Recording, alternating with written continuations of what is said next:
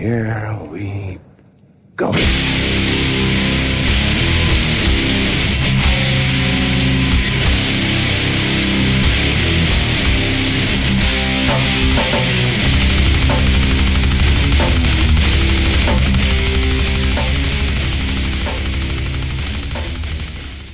Ja men sådär då, nere på noll avsnitt 173. Jag, Robin Lindblad, sitter här tillsammans med David Olsson. Hej hej. Danne Nätterdal. God kväll. Och gäst i dagens avsnitt, Simon Lundmark. Hallå hallå.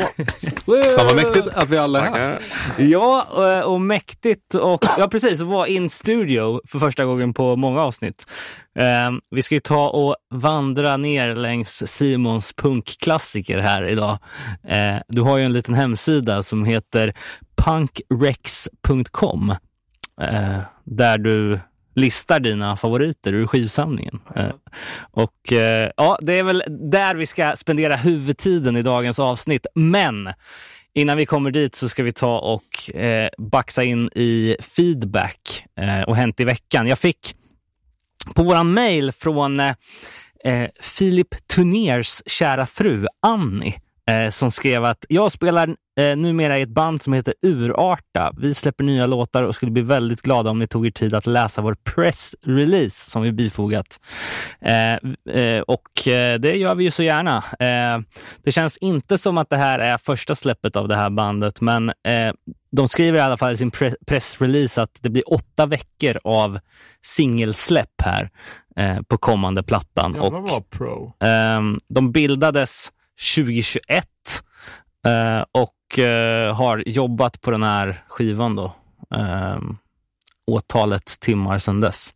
Eh, har någon EP eh, i, i bakluckan också, men inte något som har haft samma tryck som den här fullängdaren. Då. Eh, och de har skickat med en låt som heter Häxa, som vi tänkte att vi skulle blästa igång eh, innan vi gör någonting annat i det här avsnittet, för det här är fan bra. Så att vi kör Malmö-baserade Urarta.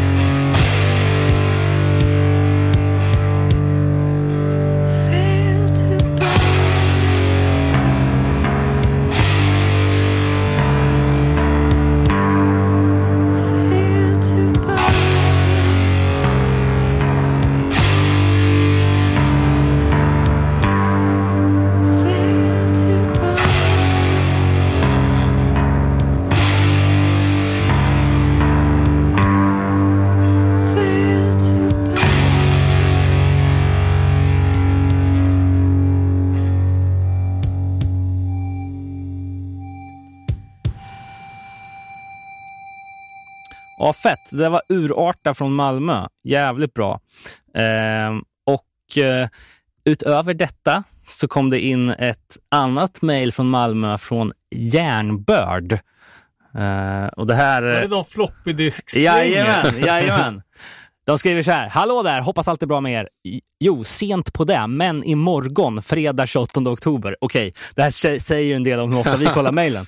Eh, släppt en split, släpps det en split-CD, brasilianska Sebrenegre och vi, Järnbörd. Eller sanning med modifikation. Streaming-varianten släpps imorgon och CD-varianten släpps i november någon gång. Haha, vi är på ett. Eh, då, då det är sagt av en samling eh, sex brasilianska bolag närmare bestämt. Eh, vinylversion hoppas vi på, men vi vet inte om det blir av. Det är fem låtar vi snackar om. På de första låtarna har vi lite mer udda sånginslag. Eh, på första låten, introlåten som heter Ett vanligt liv, är det trummisen Jocke som sjunger. Och på tredje låten, Grind Ahora, är det Wellington Tavares från band som Remiso, Genome med fler som sjunger på portugisiska. Det kan inte vara Aura? Det är mer spanskt Ja! Jag vet inte. Ja, det blev så självklart nu det. Grind Ahora. Fantastiskt. Eh, jag fortsätter här då. Eh, på fjärde låten Alla medelmåttiga konstnärer dör utmattade gästas vi av Ronny Kjellbeck. Kjellback från Pyramido och Slott Phantom Moth. Um, skickade en WeTransfer-länk, eh, bla bla bla, eh, med lite texter. Och förresten, vi är inget plojband som ni verkade tro i och med vårt förra släpp Dött format som släpptes på floppydisk. Ha det, Dan. ja, eh, ord och inga visor. Men ändå, eh, imponerande att... Eh, undrar om de, de nu har nöjt sig med CD och vinyl då på det här nya? Eller om det blir någon... Tröttnar på att bli kallade plojband. Ja, Folk kanske. som oss. kommer ske på ett så här pappersflygplan som man viker ut och sen när det är blind skrift så får man morsekodsknacka fram skiten mot diskbänken. Fantastiskt. Eh, ja, annars då, har vi fått in någon mer feedback? Eh, yes. Från förra avsnittet då. José pekar ut skivnörden Thomas Lundin som en eh, en eh, jävla idiot som köper alla pressar på YouTube Today We're Not In It Alone. Eh, kom ju svar på tal direkt. Att den gröna vinylen av We're Not In This Alone skulle låta som alla andra versioner stämmer då inte. Den blev remixad efter första pressen och sen en gång till innan Revelation-pressarna. Ha, ha, ha. Hälsar Thomas. Eh, sen fick vi även lite från... eh, På tal om skivgrej, får jag bryta in med? Absolut. Den här Chain of Strength-grejen du la upp, som var på Ebay. Ja, testpressarna. Vet du vad det slutar på eller? Nej. Vad vet du? Nej, jag vet inte. Eh, jag, tror Fortsätt inte, du, ska jag googla. jag tror inte de sålde faktiskt. Nähä. Vad var utgångspris? Eh, 60 lakan och uppåt.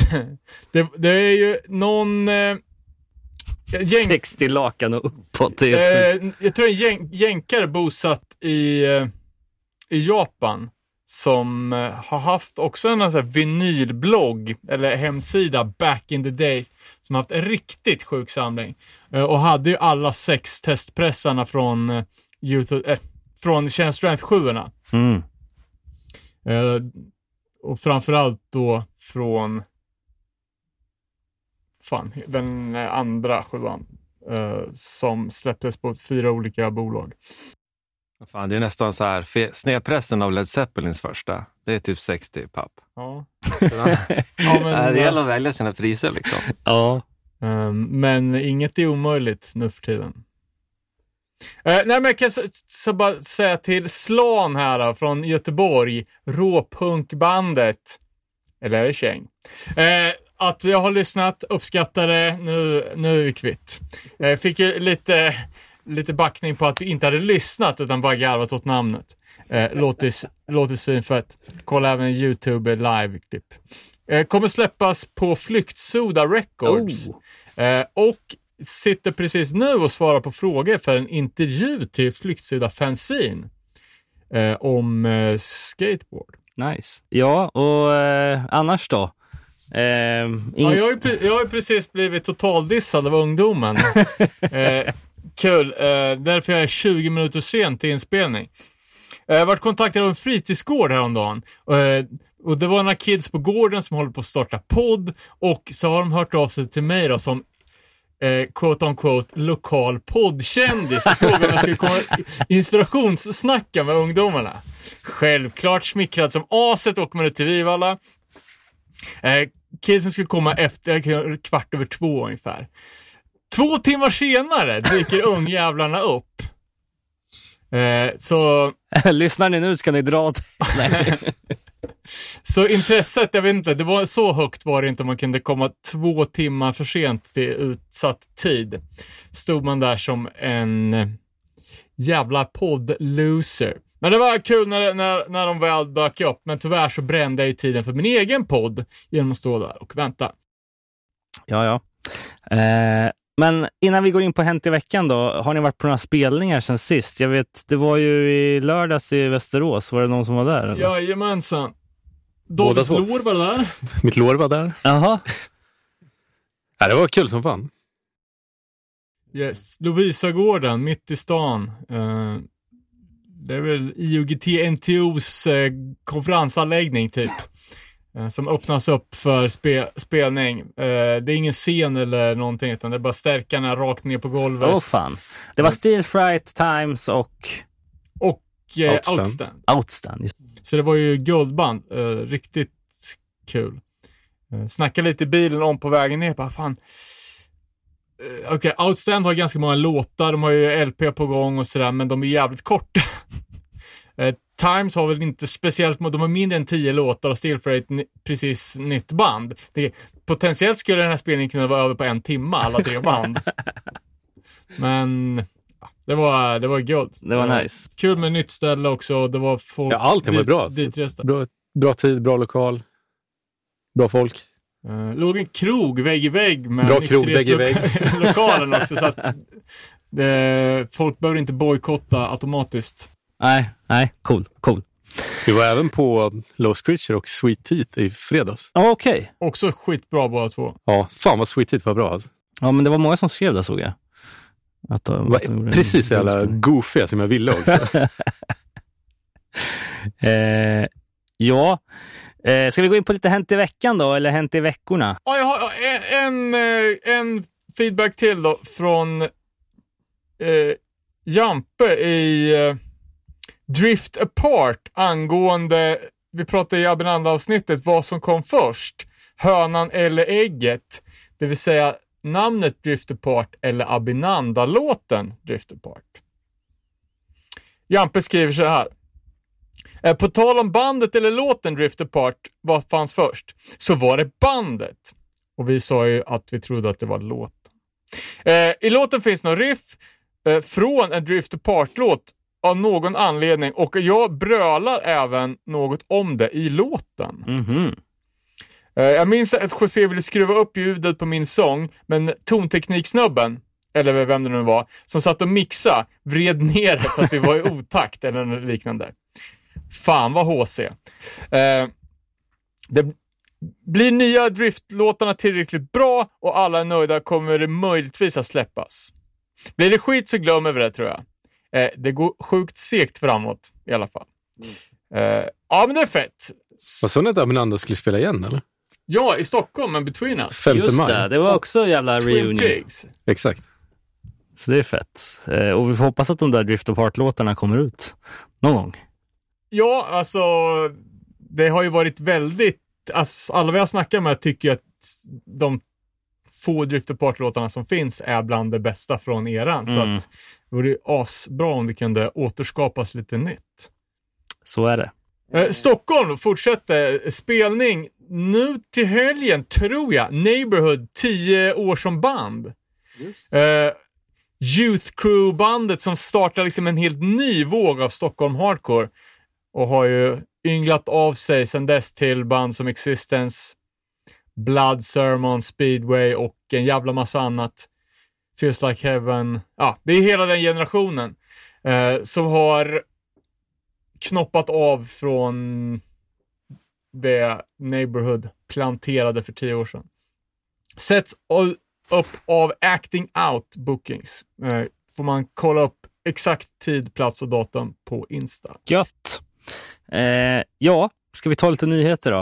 Eh, för att hoka i två avsnitt sen då, Misfits-specialen, så såg jag att Misfits hade ställt in sin 31 december-spelning i Las Vegas av någon oklar anledning. Eh, unexpected personal matter var, var förklaringen.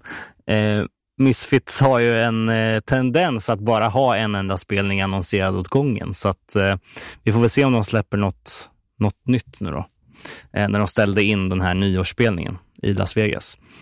Eh, sen såg jag att Outbreak hade gjort ett fett släpp Eh, med jävligt mycket... Eh, jag tänkte också på det. Eh, udda band. eller? ja, alltså Trapped Under Ice, det är väl första gången på europeisk mark på hur länge som helst. Eh, eh, High Vis, som du härjar om, eh, Fan vad de spela. är. Alla Fy fan vad bra de är. Death Grips, Code Orange, Converge, ehm, Men det är alla de här hiphop-akterna. Candy, ja vad fan hette han? Lil Ugly Mane. Men, alltså, typ de här, så här eh, vad heter det? De som står först. Headlinesen. Denzel Curry. Ja, Ja. jag hade bara, fan jag känner inte igen det. Vad, är- vad är det här för någonting? Nej, Det är superstort. Jo. jo. Okej, men ja. Ja, Jag förväntar mig att se. och din, din hiphop knowledge. Jag förväntar mig inte att se det i den kontexten. Nej. nej, nej, nej, nej, precis. Så kollade jag upp det och med så Death Grips tänkte jag, vad fan det var någon hardcore-band jag missade. Det var också någon hiphop-snubbe. Fan, jag råk, råklyssnar på Ghostmains hardcore-låtar här. Vi snackar ju om Mm. det är hiphop. Det är, väl, är det en person eller ett band? Jag vet Han var signad på Epitaph va? Eller? Ah, Nej, Triple B. Triple B var det. Just det. Var inte det bara någon specialsläpp där? Oh. Han har någon sån här super major label tror jag. Men, eh, Men det här med hip- hiphop-grejen, vad tycker ni om det? ja, jag vet inte. Alltså, jag vet inte vad syftet är här. Om de vill eh, locka fler besökare eller om de bara vill diversifiera inom sitt träd av Ja. subkulturer. Men Ja, jag vet fan, jag var ju och kollade på Necro, Ill Bill, Terror och Full Blown Chaos i London en gång. En riktig split bill. ja, hur var det? Det var... Eh, det vart inte så bra. Nej, Det var bara hiphop-folk där som tyckte att förbanden sög. okej. Men det där med, eller så, det är, jag tycker det är nice om de blandar upp så det inte är 50 band som låter exakt likadant. Ja, ja. Men, men om det är typ världens största hiphopartister, då kommer det ju komma folk som vill se dem, inte Nej. Converge. Nej, jag trodde Outbreak var slutsålt. Eller har de släppt fler biljetter? Jag vet inte faktiskt. Jag fick mig att det tog, var slutsålt på, på Dirren. Det är ju fan helt sjukt i så fall. För eh, 23 till 25 juni 2023 at Depot Mayfield i Manchester. Ny, ny venue. Ja, och jag, alltså, om man ska vara lite positiv så är det väl eh, säkert en del eh, Denzel Curry-fans som får lite Jesus piece i trynet då, liksom, förhoppningsvis. Eller liknande liksom. Men Egelius skrev att det var 10 000 biljetter. Eller kapacitet på stället. Okej. Ja, då kanske det inte är så konstigt heller om det redan är slutsålt. Men den här linjen. Vadå, det är ju jättemycket. Jo, men alltså... In, I hardcore-mått mätt. ja, exakt. Eh, ja, vi går vidare. Nej, Eh, får jag fråga en annan grej? Jag kollar ja, upp resten av banden. eh, har du lyssnat på något som heter Loath, eller? nej. Nej. Eller har jag det? Kanske. Det var så jävla märkligt. Det var något sån här emo, alltså 90-tals emo typ. Åh fan. Blandat med lite Deftones. Det var skumt som fan. Nej, jag får kolla in. Får kolla in. Ehm, Fan, jag såg en jävligt... Obs! Eller det kan du klippa bort. Det var ingen diss. det, kändes nej, som men, du, nej, nej, nej, nej. det kändes som något du skulle kunna lyssna på. Ja, ja, men absolut. Absolut. Absolut. Eh, ja, vad skulle du säga, Danne? Jag, jag såg en jävligt skum grej på, på Instagram. Eh, en, en person som repostade från Mina Caputo, alltså eh, Life of Agony-sångerskans eh, Insta. Eh, det var ju nyligen en terroristattack mot eh, någon eh, klubb där det var drag queens. Har ni hört om det? Superstor nyhet. En, en, ma- en massskjutning. Ja, i USA Vart eller? någonstans? Ja, såklart. Ja, ja, precis. Ja, det var ju häromdagen bara. Ja. Eh, och då hade lagt ut, Mina Capote hade lagt upp en bild på en soldat som slänger en handgranat ner från, från översta våningen i ett hus. Och så står det typ They're downstairs talking about it's okay for drag queens to tell stories to kids. Me. Som att det är hon som kastar en handgranat på Hmm. de drag queen eh, liksom friendsen Ja, precis. jävligt konstigt och okänsligt postat alltså. Jag tänkte om det har blivit någon riktig, om det blivit någon snackis om det där. Nej, det, alltså, vad fan vad sjukt. Ja, Jag borde ju bjuda om inte annat. Ja, för det har ju varit, det har ju varit en del i Sverige också om det där med att de har eh, eh, på biblioteken eh, högläsning av drag queens liksom, Okej, så här, ja, det som kanske- har blivit det- det kritiserat av en- en SD. och, Nej, och jag Sådär, läste men- lite kommentarer och Mina skrev ju typ så här bara att eh, typ det här, alltså, eh, det är barn det handlar om. De ska, barn ska inte vara i närheten av drag queens, Mm. typ. Vilken Har jävla ingenting, idiot. har ingenting emot mot, eh, för, annars, men håll för fan borta barnen. Det låter som inte rasist, men. Ja men typ, det är så skumt och så i och med att Mena Caputo själv är liksom en transkvinna och att man då tror att de ska ha någon sorts liksom super eh, open mind gällande LGBTQ plus hela, hela spektrat. Ja, Ja, det var jävligt konstigt och märkligt om Ja, någon vet mer om det. ja nej, vi Lite får... okänsligt kan man säga. Ja, verkligen. Eh, kul nyhet då. Eh, vi har spikat att vi ska ha gäst i programmet. Hardcore-fan och sportjournalist, Erik Niva. Just det. Det blir spännande. Det blir jävligt spännande.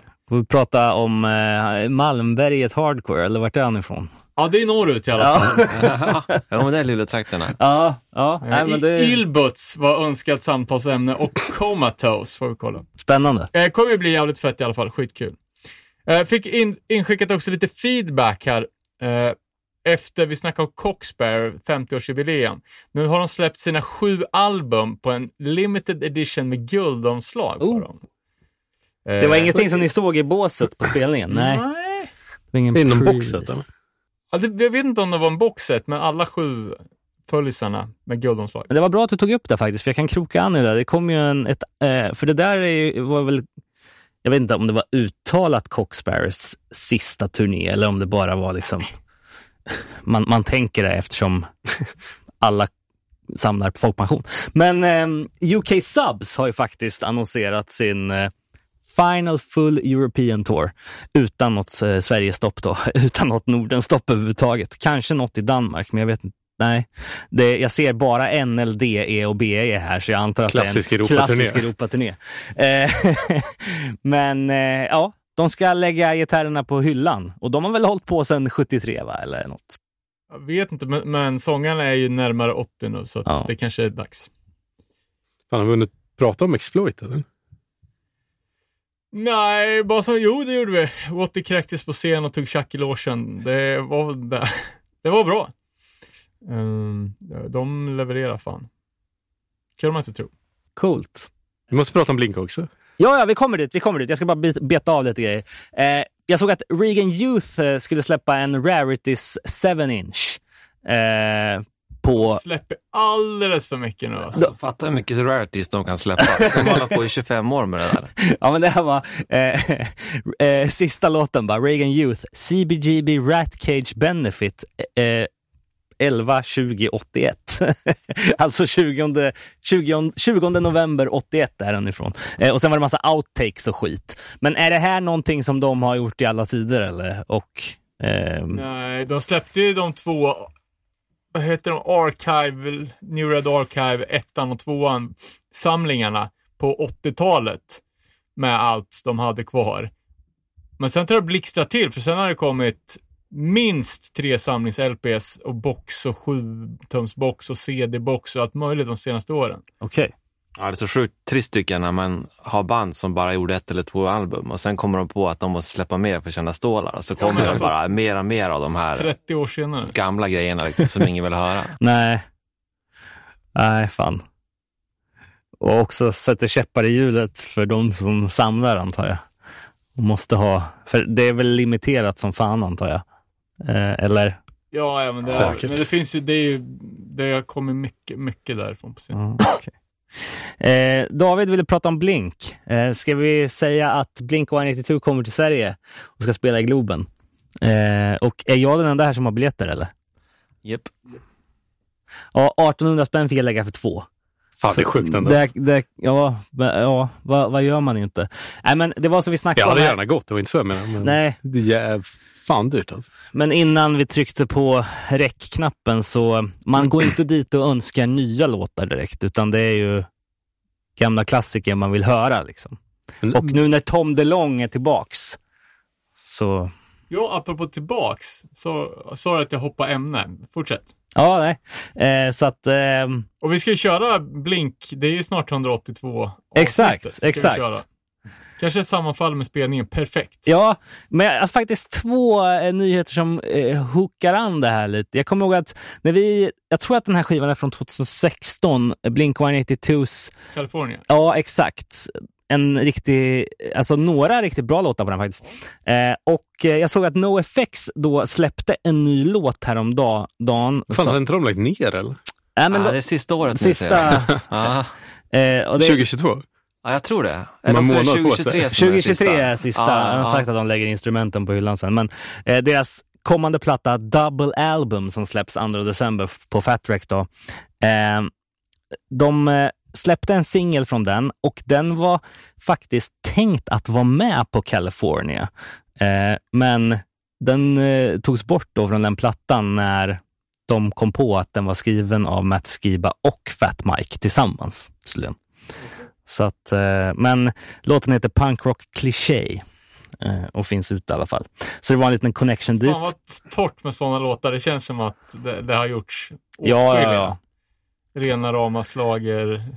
Ja, men då är det Fat Mike som har gjort den också. Liksom. Kan... Han är bra på det där. Ja, det, det, det kan man inte neka till. På tal om eh, The New Red Archives förresten. Ja. Såg ni att The Dickies, det gamla Fat-bandet, eh, släppte en singel som heter Blink 183? Jag skulle precis säga sjukt. Ja, alltså, och det var väl också någon, det var väl också en, eh, alltså Fatma, eller det var, så som jag förstod det, så var det en rejectad låt som de hade försökt skicka in till någon Fat Wreck komp Ja, exakt. Liksom. Från någon B-sida från eh, All This and Puppet Stew, Ja, precis, precis. Ja, det, men och så på andra sidan så var det någon Elvis Costello-cover typ. Ja, det var säkert något, bara få ihop två låtar liksom. Men hade, hade inte Blink också släppt en ny låt? Jo, det hade de. Den var inte så bra. Men, eh, Nej. ja. Nej, men den här Dickies uh, Blink 183 omslaget var ju jävligt roligt i alla fall. Någon eh, så här gammal klassisk 50-tals eh, eh, så här, typ serial-omslag eller så här, Han har så här frukostfinger. som Typ. käkar smör eller Ja, någonting. exakt. Fantastiskt. Men vart är spelningen då?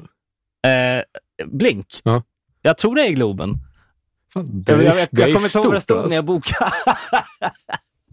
Jag vet inte hur många som går in där, men det måste vara jättestort då. ja, men vad fan. Hur många... 14, 16 kanske. Ja, något sånt.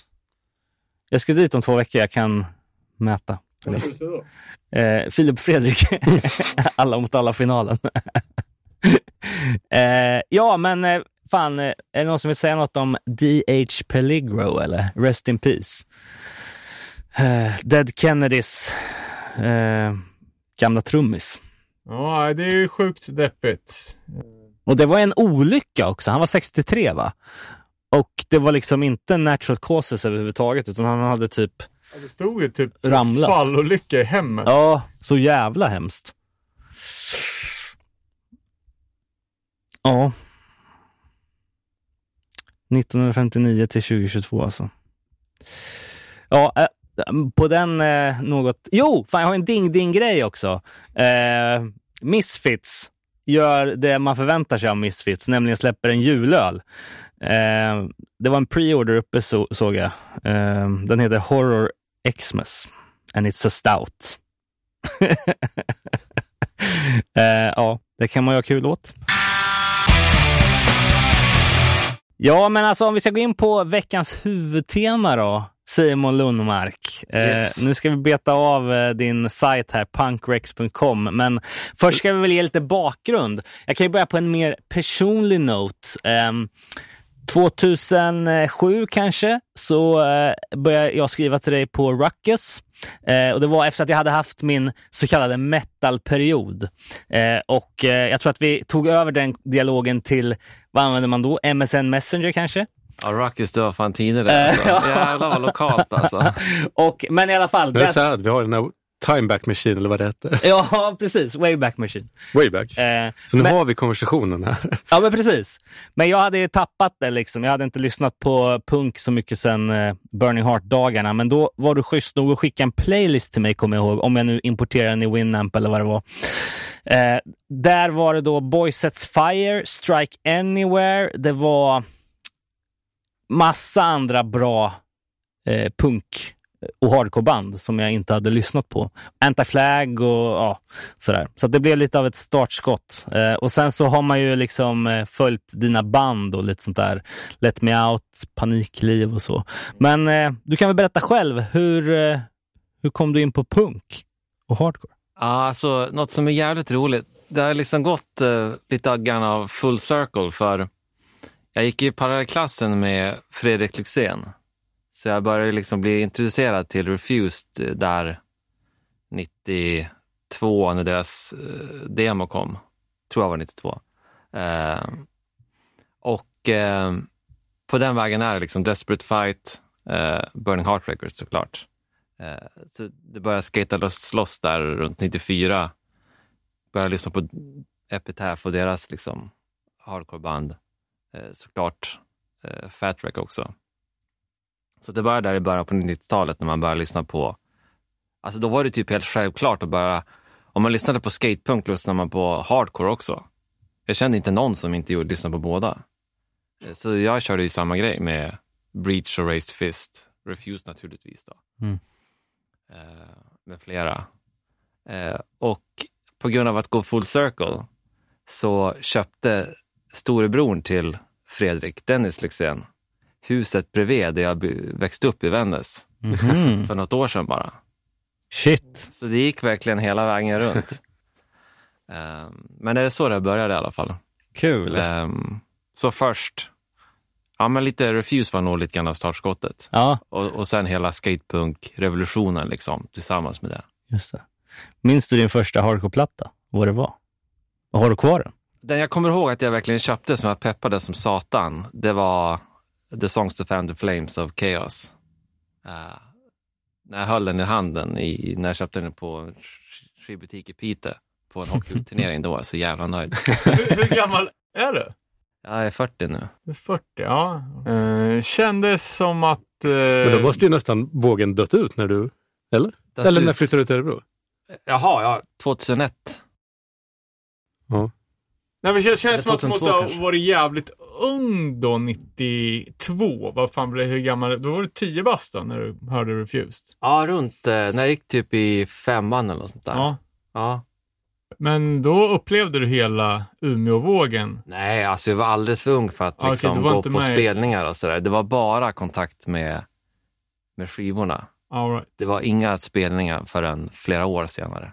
Och det, var det jag menade. När, när jag du var inte upp- 15, Jag är ju då inte måste jag... uppvuxen i Umeå heller. Jag är uppvuxen i Vännäs, tre mil utanför. jag fattar. Och där var ju liksom, Nada. det var inte så jävla mycket scen där direkt.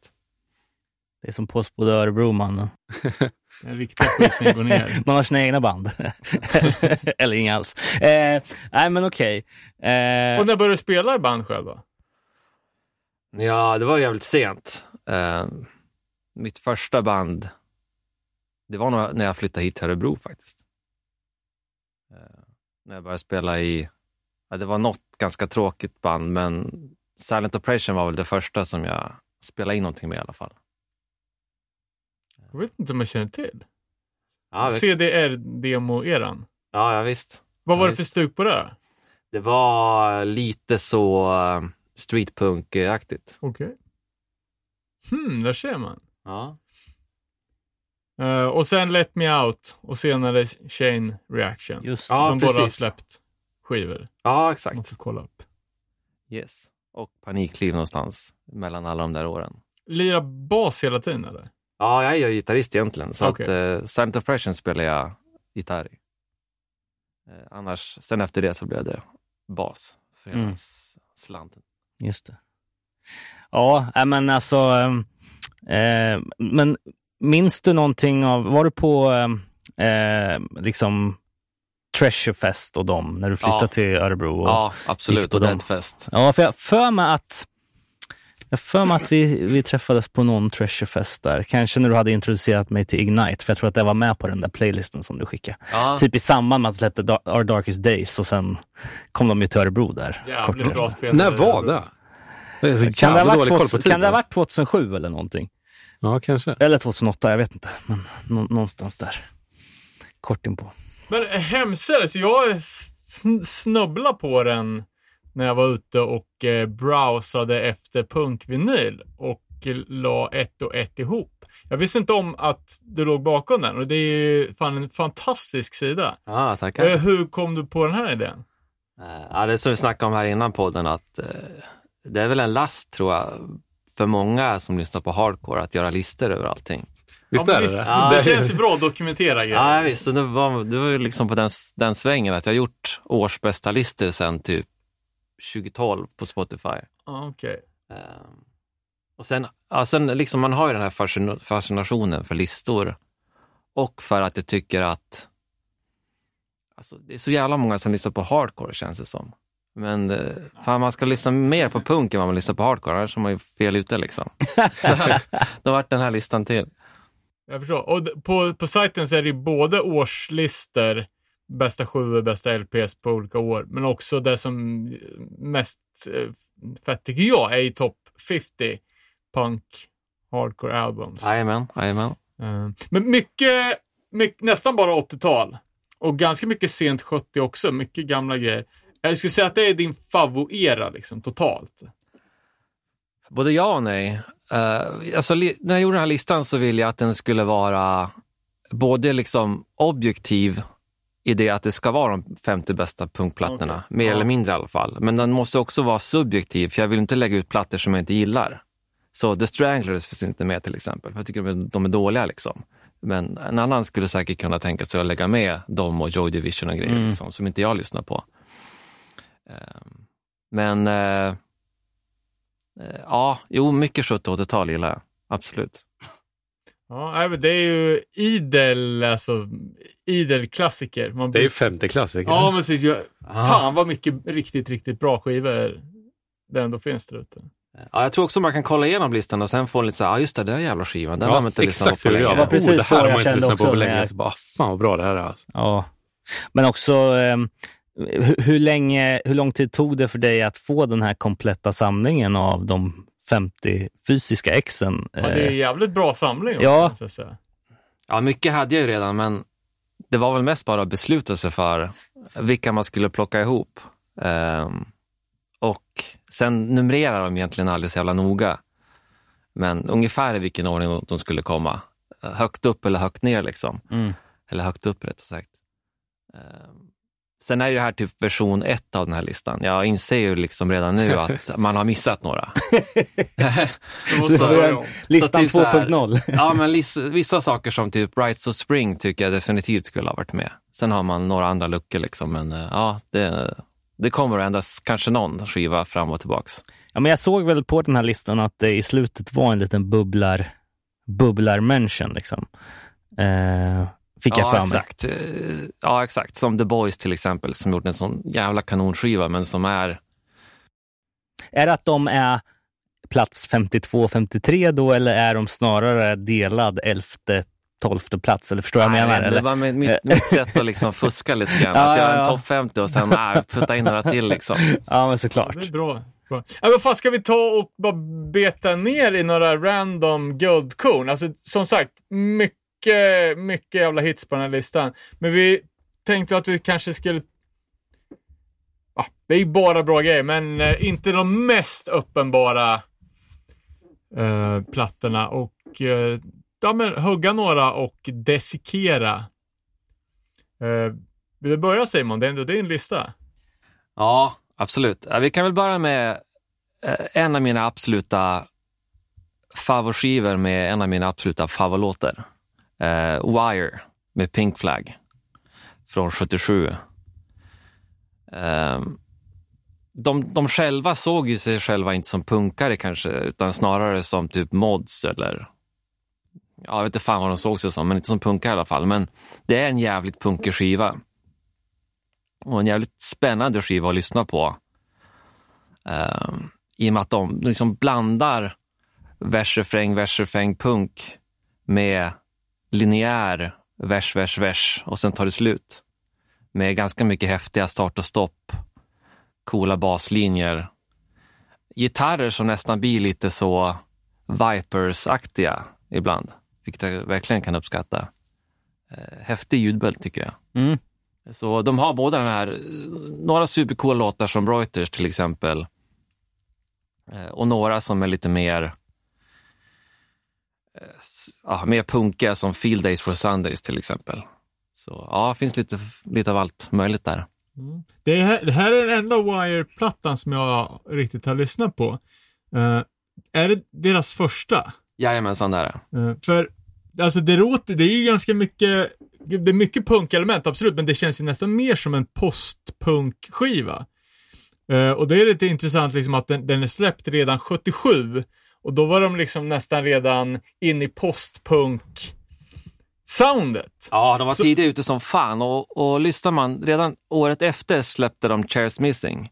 Och då, då lät de bara som eh, postpunklåtarna som de Ja, hade okej, på ja. Pink Flag. Mm. För jag såg sen eh, att de var jävligt gamla, de var typ 30 när den här skivan släpptes. Ja, och jag tror det var det som gjorde dem så jävla bra, för att de har ju sagt att de inte riktigt kunde fatta hur det var så okej att spela ostämt och fel på scen.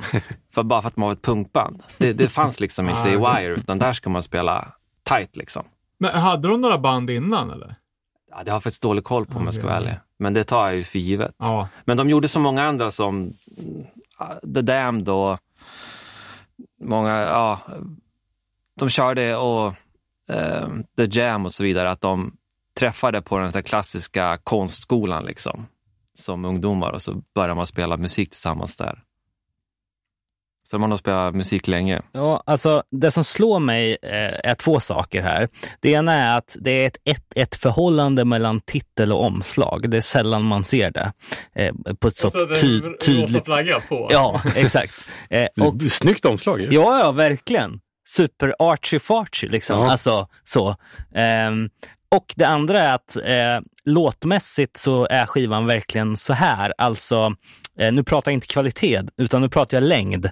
De kan köra en 28 sekunders banger följt av en 2.37-låt. Liksom. Och det är också lite kul. Eh, för det, det, det, det, det talar ju någonstans om det där som sen händer. Att de väljer ett spår. Här kanske de var lite mer olika viljor i bandet, inte någon riktig riktning. Första skivan, så som det kan vara. Liksom. Ehm, men ehm, att det drogs åt olika håll, men sen inför andra plattan så lyckades de ja, in i det här postpunkhållet. Då, liksom. så, Ja, exakt. så. Eh, och sen just den där rosa flaggan, de sjunger ju The Pink Flags och Screaming i sista låten som heter Pink Flag. Mm. Men jag har aldrig fattat var Pink Flag kommer ifrån. Nej, precis. Och har det någon betydelse? För vit flagg, det är ju jag ger upp. Röd flagg är väl nu kör vi typ. Black Flag är bandet. Ja. Men pink flagg då? Ja, jag, jag tänkte på någon gay rights-grej. ja, ja. ja, ja. Typ rosa triangeln. Ja, ja. Den är ju ganska...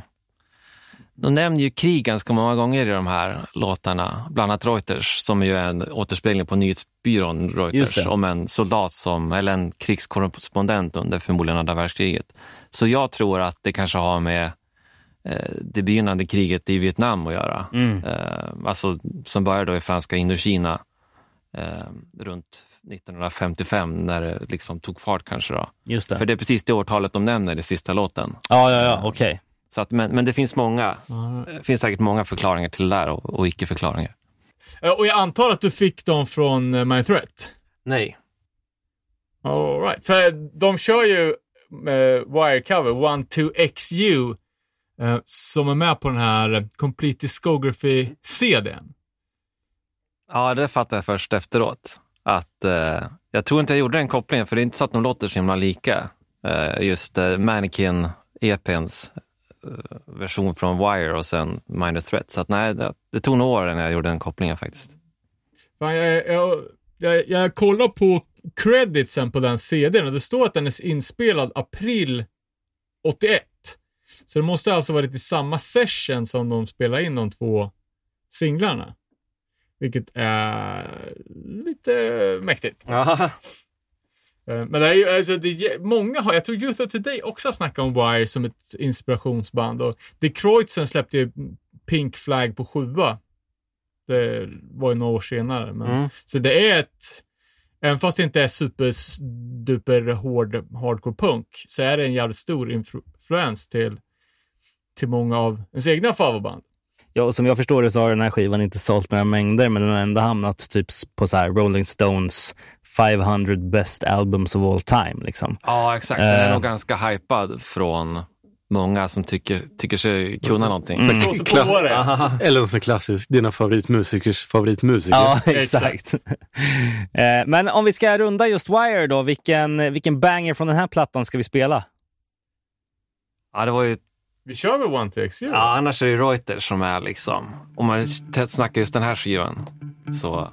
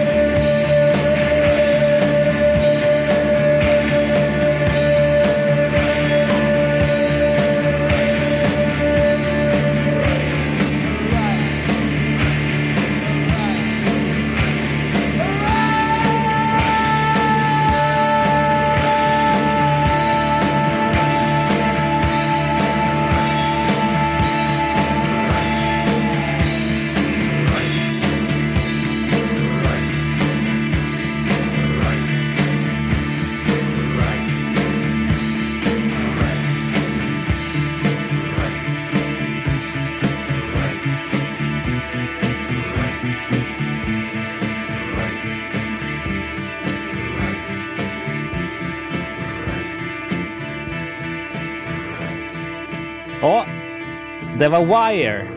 Eh, ska vi gå vidare till någonting annat yes. på listan? Eh, och den här listan då, om ni vill hänga med och kanske se bild på de här eh, plattorna så finns allting på punkrex.com.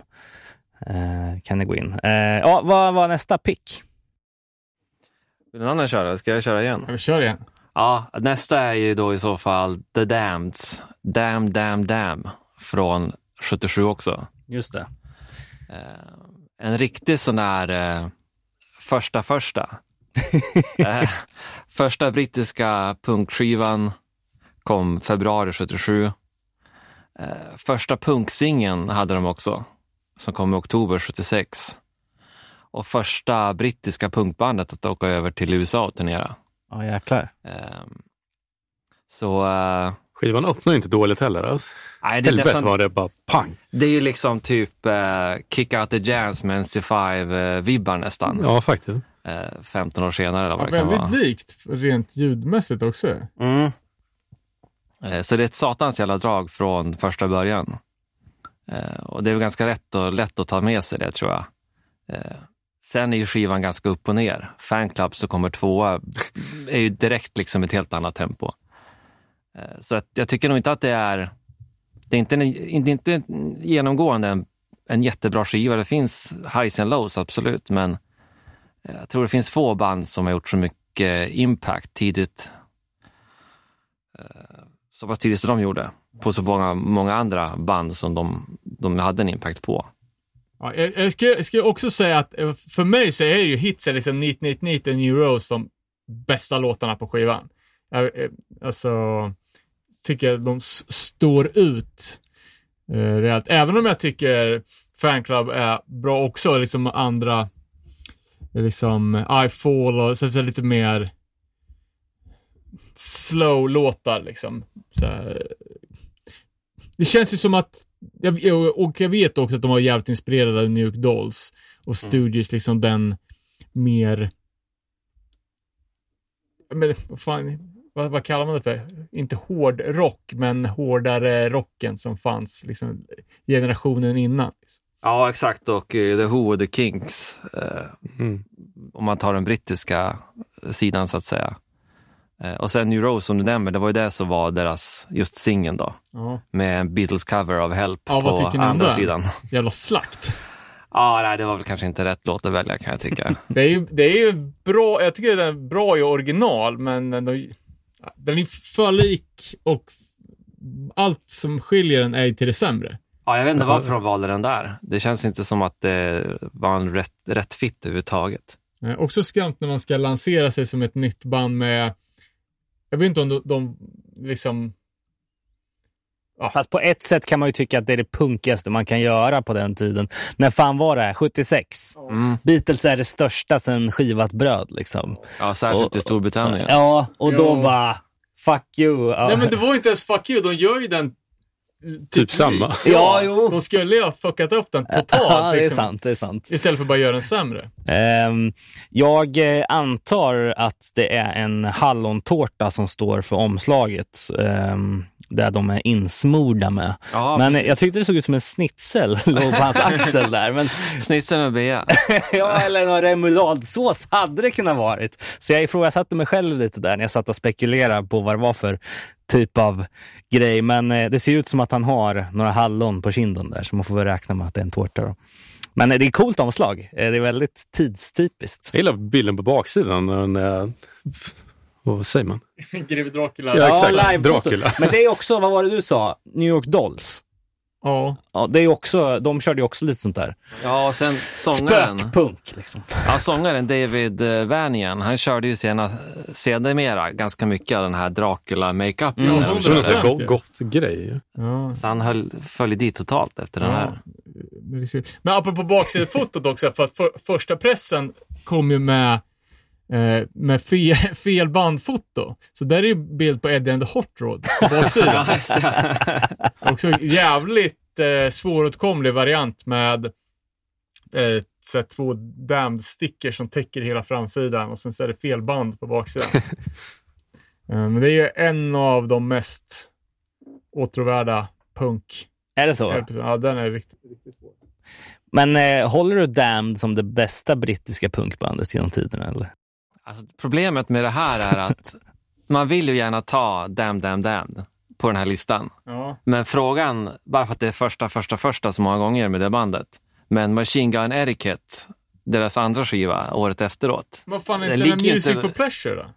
den är ju tredje. Ja, den tredje? Kan den ha kommit 79 kanske? Okej, för jag har skrivit upp det 77 på den också. Jag har fan typ knappt hört den. Alltså. fan, nej då, nej, då är jag helt borta. Men för Mach- Machine Gun Etiquette är ju en, alltså det är ju en riktig klassiker också.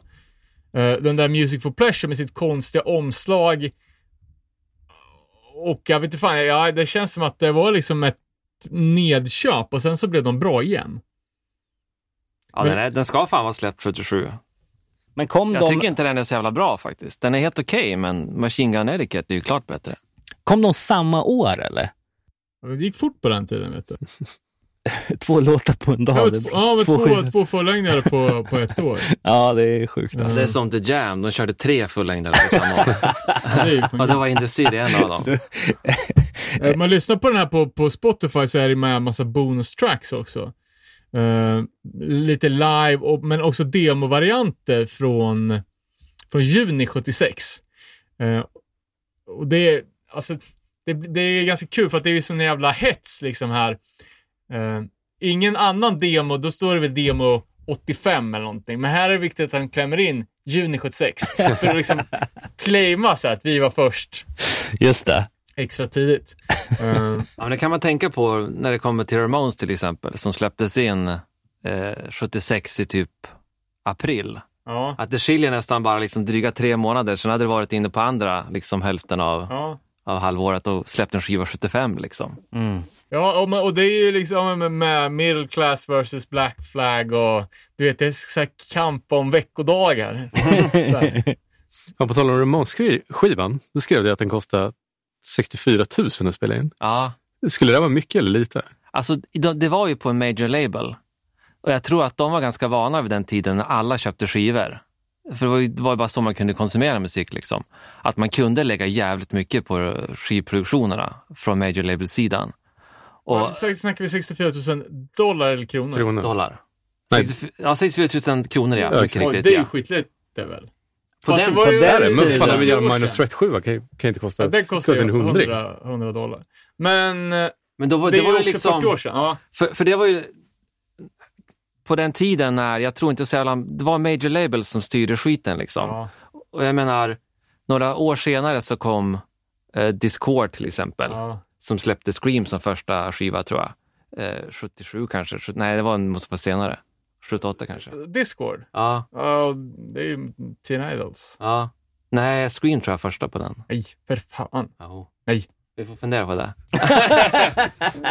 Vi pratar om LP7 eller? Ja, men det är därför jag tror att eh, det var lite. Jag tänker att det är Ja, lite det är- för en major label och liksom Det är superlite.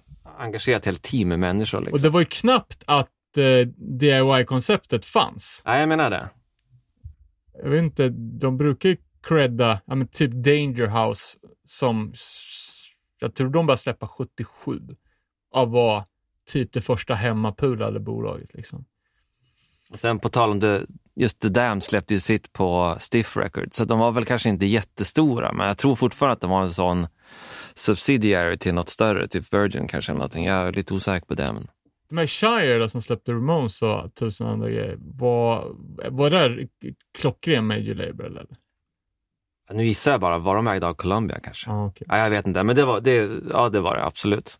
Eh, vi snackade lite om det också sen i, när vi hade det här Clash specialavsnittet eh, om bandet London SS. Mm. eh, som eh, figurerade, spelar de live, spelar inte in någonting, men det kommer ju ändå någonting senare. Hur som helst, det var ju ett, ett vad som skulle bli ett all-star-band eh, med folk från Generation X, The Clash och då både Brian James och Rat Scabies eh, som sen hamnade i Damned. Mm. Men jag kollar på, på Brian James lilla biografi. Han hade ju lirat band sedan 60-talet. Jaha. Alltså spelat i tio år innan det här. Och det förklarar ju också att, alltså, det är som med Bad Brains. Helt plötsligt kommer ett helt nytt band, de är skittidiga, de är skitbra. Men de har spelat i band redan i tio år så att de kan. Mm. De kan det här. Och ändå kan de liksom gå tillbaka kanske. Jag har inte hört hans gamla band Bastard. Men eh, man kan ju tänka att det var lite mer komplext än de tidiga Damn-låtarna. Men hur man då kan simplifiera sitt spelande men ändå göra det så här less is more. Fantastiskt. Ehm, bara intressant Observation. tankevurpa där. Ja, verkligen. Men ja, The Damned alltså. Eh, finns det någon, eh, någon rolig historia kring hur du fick tag på den här fysiskt? Eller eh, var det något som du köpte? Ja, jag hörde det första gången. Min farsa är ju också skivsamlare. Ja, okej. Eh, Så det var nog hans eh, exemplar jag lyssnade på första gången. Ja, ja, ja. Men inte som du eh, Jag var tvungen att tog, f- tog med fixa dig. min egen. Ja, Så den snodde jag inte. jag förstår. Jag förstår. Men hur långt i Damn-katalogen har du vågat sträcka dig då? Jag har inte så jäkla mycket faktiskt. För de har ju Eh, släppt mycket och mycket är ju, jag tycker att det är... Fan, det känns som de släpper skit fortfarande. Ganska Ja, det är just den här Dracula-grejen och hela den här horrorpunk-grejen gillar jag inte alls. Ja, men det är mer gott-rock Ja, liksom. precis. Så här sega låtar, alltså jag tycker det tappar som fan. Ja, den enda som jag verkligen ville ha, det var ju naturligtvis eh, första pressen av eh, New Rose. Så den har jag ju ganska nöjd över att jag fick Ja, tag på. Eh, Men, men sen tycker jag att det får räcka med Machine Gun Etiquette och, och Damn Damn Damn. Vadå, det finns ju 151 releaser till att ta del av. är så många. Discogs. Om du nu har fyra Damned-skivor så. Ja, börja nu ska jag vara klar till pension. sen. Ja, exakt. Du kan ju bygga ett hus av Ja, Damned-skivor. precis. På tal om att man behöver ett projekt. Eh, ja, men fan vad kul. Uh, ska vi sticka emellan med någonting då? Ja, får jag ta en? Ja, kör. Ja, jag blev så jävla glad när jag såg en av mina absoluta favvo old school hardcore-plattorna. Zero Boys Vicious Circle. Um, jag tycker den är så fucking jävla bra alltså. Det är eh, snudd på 20 låtar på plattan. Det är ju två som är Oj, lite, s- alltså. lite sega sådär. Det är ju, dels är det ju en gammal låt, Living in the 80s, som är kvar från sjuan, som kom året innan. Och sen är det ju någon lite segare där på slutet. Men annars är det sånt upptempo och alla låtar är pissbra. Det är liksom, ja, hur många plattor med nästan 20 låtar är det bara hits? Fantastiskt. Omslaget är ju stenhårt med. Jag tycker det är pissfult. Tycker du? Hade det varit lite snyggare hade jag fan tatuerat det. För att den, här skivan betyder mycket för mig. Ehm, Jag håller inte med, det är min snyggaste t-shirt. är det bara för att den är gul? Ja. Har, har du den sleeveless? Eller? Eh, vad tror du? Ja, det tror jag. Ja, precis. Jag, jag, jag, tänkte på det när, när, jag, när jag såg det på, var på Örbo Punkfest?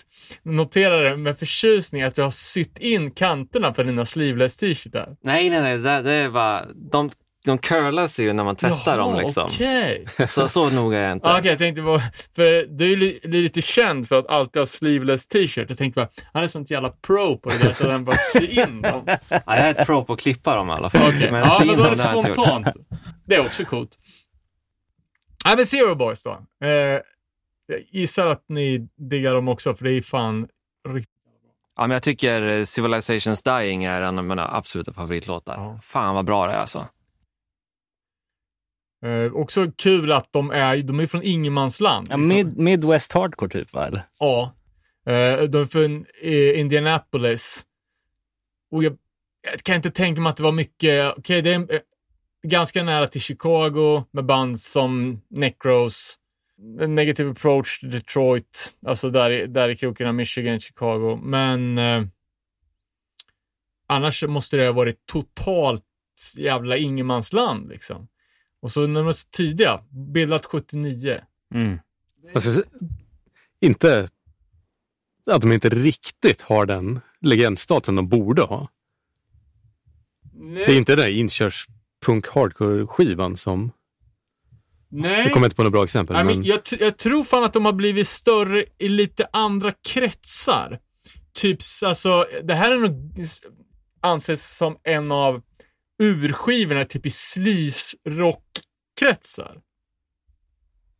För jag vet att de gick mer åt rockhållet på plattan som kom senare och blev lite så legendariska. M- mer åt rockers. Ja. Ja, för det är någonting man, om man ögnar igenom Zero Boys diskografi så slås man ju av att första kom 81, andra kom 91 och sen kom tredje 93 och nästa 2014. Ja. Så att det är liksom de hopp gjorde ju en i tiden. en kassett 84 också Okej. eh, som heter History. Jag vet inte hur, vad det är för... om det var gammal skåpmat eller vad de hade till, dag, till dags datum liksom. Fan, Det slår mig nu att många av de här skivorna, man har ju lyssnat om tre, eller det legendariska band, men man lyssnar ju två, tre skivor in. Sen är det ju, Ja, de har inte gjort så mycket. nej men det- av de här 50 banden. Ja, du tänker så på hela listan? Ja. Ja, nej, men eh, man ska ju ha vett att lägga ner medan man är bra. Ja, verkligen. Eh, på tal om Minneapolis. Ja, Är jag ute och cyklar eller huskar du från Minneapolis? ja fast Zero Boys är från Indianapolis. Ja, just det. Precis. Men ja, det är ju också i regionen. Ja. Eh, Det är lite längre norrut bara, Minnesota där. Men det, det är också ett pisstidigt band som också känns som de kom, alltså, mitt ute i ingenstans. Vad pratar du om nu? Vad skulle du? Vad skulle, Det ja. var en, en, eh, en platta på listan, Sen Arcade. Eh, uppskattar verkligen att du har den skivan av alla Husker-plattor, för jag tycker att den är ju så jävla bra. överlägset bästa. Eh, innan vi bara lämnar Zero Boys så måste jag ju säga att eh, eh, konsekvent eh, väldigt speciella omslag i hela katalogen på deras. Eh, Alltså nästan lika så här Inga andra jämförelser till No Fun All, men där har vi också berört eh, liksom, omslagen avdelning konstig, liksom, eller så här, abstrakt, eh, icke-definierbar. Här, visst, eh, skivan från 93, The Heimlich Maneuver. Fantastiskt namn, men omslaget är ju bland det fulaste jag sett. Vad hände där då? Eh, ja, alltså det är ju en eh, felögnad eh, eh, karikatyr, skulle jag väl mer säga. Det är ju samma som på Visual. Nej, det var det inte. Ja, den är riktigt Ja, ful. knasigt. Ja, vi snackade med, med, En knasboll, det var ett bra ord. eh, med Sveden på eh, Linköping Live-podden om att de hade ju bokat Zero Boys till skylten under den fula skivan. Undrar vilken han menar, Ja, det är, jag tror det var den andra från 90 som ser ut som, som skräp. som stryk. Nej, men en sak också som jag tycker är lite intressant. Det är också det här. Eh, ja, men de har ju en låt som heter Amphetamine Addiction. Eh, Det är svårt och att höra, heter höra det utan att tänka att man sjunger det så här. du, du, du, du, du. Och sen har de en som heter High Times också, som uh, I'm having a high time. Så. I'm really high. Eh, men sen har de ju också en låt som låter helt uppriktig som heter Drug Free Youth. Ja, exakt. Så man vet inte, är de liksom lite splittrade så här att de knarkar men vill sluta? Eller är de ironiska på den ena? Man vet inte riktigt. Eller olika personer som har skrivit texterna. Ja, Man får ju lite sådär eh, Angry Samoans-vibbar nästan. Eh, Att de plojar lite? att de är, ja, de är jävligt plojiga sådär. Eh, Så att, ja, det är svårt att veta. Ja. Och sen också precis som jag, jag tänkte med, med Damned och som du nämnde Bad Brains, alltså band som är bra på att spela. Zero Boys måste ju ha haft band innan. Mm. Eh, jag vet inte om de ha- har det. Jag, jag, jag- kan inte komma ihåg något relaterat. Jag vet att någon medlem, han basisten, uh, spelade med Toxic Reasons också. Mm. Eh, men det var ju väl senare skulle jag tro. För de är ju, alltså, ja, börjar börjar 79 och de är redan jävligt bra. Och kommer från Indianapolis, så de måste ju ha pysslat med någon typ av rock innan Mm. punken. Mm. Och sen gillar jag också, på tal om basen, att den är rätt hög, högt Den är mixad. jättehög. Eh, Jag gillar det som basist liksom. Ja, ja jag, jag spelar skitmycket bas till den här skivan. Alltså, är så jä... alltså han gör så han har sån jävla finess. Eh, det, är, alltså, det är en av de stora plusfaktorerna på den här plattan, Ja, att basen är så jävla bra. Tycker basister. Ja, Ja, men jag, jag kan ta vid där faktiskt, för vi var ju inne på 1979. Vi var i Flyover States, eller vad man kallar det, rostbältet. Ja. Kan vi hooka in där då? Jag vet inte om Texas hör till rostbältet, gör det det? de är väl sitt eget land nästan. Men eh, i alla fall, det här är ett band som jag såg med på din lista eh, som eh, en skiva som jag själv upptäckte ganska tidigt in i min, mitt punklyssnande och drogs till på grund av namnet, nämligen MDC, Millions of Dead Cops, som eh, alltså bara omslaget är ju så jävla coolt på den här skivan. Ja, det är Och- snyggt som fan. Ja, och det är ju verkligen en dunderklassiker. Liksom. Jag du beskriver det bra på din eh, sida där också, att det liksom är in, intelligent vänstervriden punk. Liksom. Eh, och också en skiva som jag tycker, i alla fall min erfarenhet, min åsikt, det är en kompakt käftsmäll. Liksom. 20 minuter av bra skit. Liksom. Eh, eh, vad, vad, har du, vad är din relation till Ja, men det är ju liksom ganska aggressiv, straightforward, ganska okomplicerad US hardcore. Mm. Så jag vet inte om man skulle kunna säga att musiken är så jävla speciell egentligen. De gör ju det de gör, men jävligt bra musikaliskt. Jävligt snabbt. Ja, eh, jävligt bra sång tycker jag också. Eh, så jag skulle nog säga att det som står ut är ju lite grann deras politiska eh, framtoning. För mig i alla fall. Var, jag har ju alltid gillat liksom väldigt vänstervriden punk liksom Mm. och hardcore.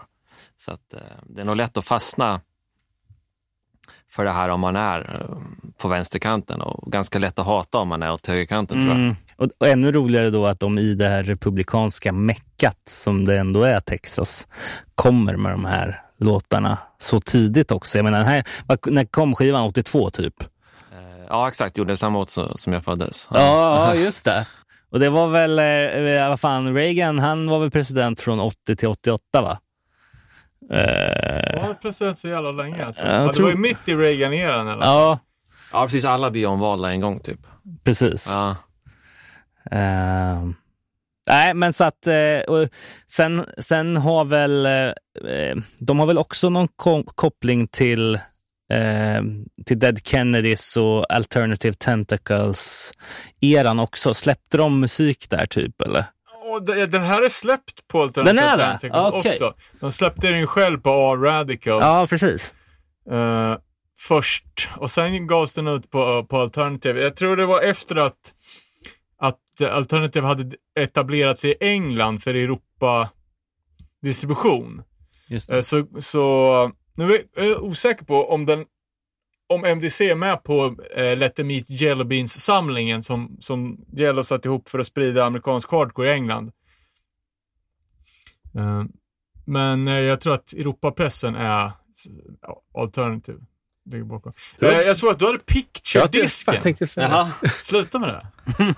Ja, jag, jag, jag, ett så här hatkärleksförhållande till Picture Discs. De är så jävla svåra att hitta i skivsamlingen. Liksom. Man ser ju aldrig Ja, bakkanten suger. på dem. Liksom. Eh, Det är så Jag- tjocka jag- otydliga Jag, en, jag har bara den här på bootleg så att jag ska, jag ska hålla, hålla på. Men, Jag eh, har den, den på någon repress, den måste ha kommit massor gånger. ja, men eh, det är väl något med första andra pressen på den här tror jag.